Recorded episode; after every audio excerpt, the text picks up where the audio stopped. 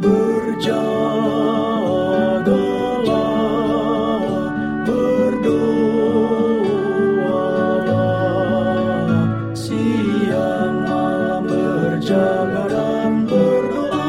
bersama Radio Advent Suara Pengharapan mengikuti pelajaran Alkitab melalui audio Sekolah Sabat. Selanjutnya kita masuk untuk pelajaran hari Jumat, tanggal 9 Juni. Ini merupakan bagian pendalaman. Mari kita mulai dengan doa singkat yang didasarkan dari Wahyu 5 ayat 9. Engkau layak menerima gulungan kitab itu dan membuka meterai-meterainya. Amin. Berjaga berdoa lawan musuh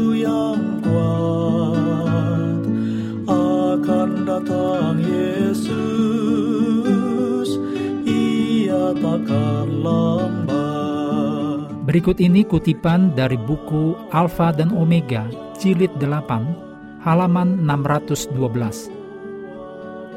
Dari sejak awal pertentangan besar di surga, sudah menjadi tujuan setan untuk membuangkan hukum Allah.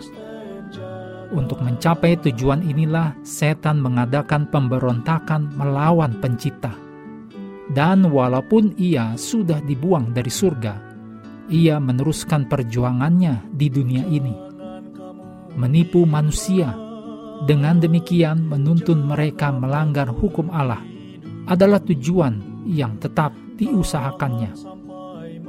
Apakah ini dicapai dengan mengesampingkan seluruh hukum itu sekaligus atau dengan menolak salah satu ajarannya? Hasilnya sama saja. Dalam upayanya untuk menghinakan hukum ilahi, setan telah memutarbalikkan doktrin-doktrin kitab suci. Dengan demikian, kesalahan-kesalahan telah dimasukkan ke dalam iman ribuan orang yang mengaku percaya pada kitab suci. Pertentangan terakhir antara kebenaran dan kepalsuan adalah perjuangan terakhir pertentangan yang sudah berlangsung lama mengenai hukum Allah.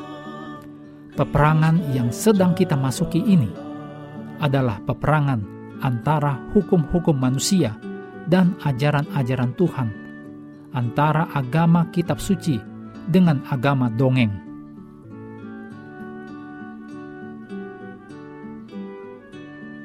Di seluruh wahyu, penyembahan dan penciptaan tidak dapat dipisahkan. Esensi dari kontroversi antara yang baik dan yang jahat dan isu-isu seputar tanda binatang itu berkisar pada apakah Tuhan layak untuk disembah. Seperti yang telah kita lihat, konsep Kristus sebagai pencipta adalah inti dari penyembahan hari Sabat. Yesus secara konsisten menggarisbawahi pentingnya hari di mana Dia menyebut dirinya Tuhan. Demikian ditulis dalam Matius 12 ayat 8, Markus 2 ayat 28, dan Lukas 6 ayat 5. Hari Sabat adalah pengingat kekal pada identitas kita. Hari Sabat mengingatkan kita tentang siapa kita sebagai manusia. Hari Sabat menempatkan nilai pada setiap manusia. Hari Sabat terus-menerus memperkuat gagasan bahwa kita adalah makhluk ciptaan dan bahwa pencipta kita layak menerima kesetiaan dan penyembahan kita.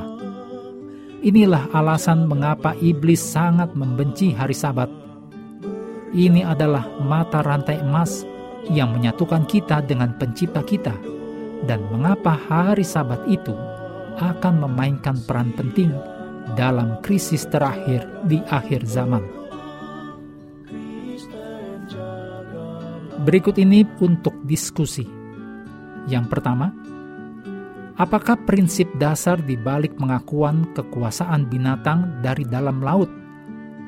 Tanpa kita sadari, sikap-sikap yang sama itu dapat tertanam di dalam hati kita. Yang kedua, diskusikan bagaimana menanggapi mereka yang berargumen bahwa gagasan tentang iblis literal adalah tahayul primitif yang tidak dapat dianggap serius oleh orang-orang terpelajar, atau setidaknya orang-orang cerdas. Mengakhiri pelajaran hari ini, mari kembali ke ayat hafalan kita dari Wahyu 7 ayat 2 dan 3. Dan aku melihat seorang malaikat lain muncul dari tempat matahari terbit. Ia membawa meterai Allah yang hidup, dan ia berseru dengan suara nyaring kepada keempat malaikat yang ditugaskan untuk merusakkan bumi dan laut. Katanya, Janganlah merusakkan bumi, atau laut, atau pohon-pohon, sebelum kami memeteraikan hamba-hamba Allah kami pada dahi mereka. Kami terus mendorong Anda mengambil waktu bersekutu dengan Tuhan setiap hari bersama dengan seluruh anggota keluarga, baik melalui renungan harian, pelajaran sekolah sahabat, juga bacaan Alkitab sedunia, percayalah kepada nabi-nabinya, yang untuk hari ini melanjutkan dari Mazmur pasal 34. Tuhan memberkati kita semua.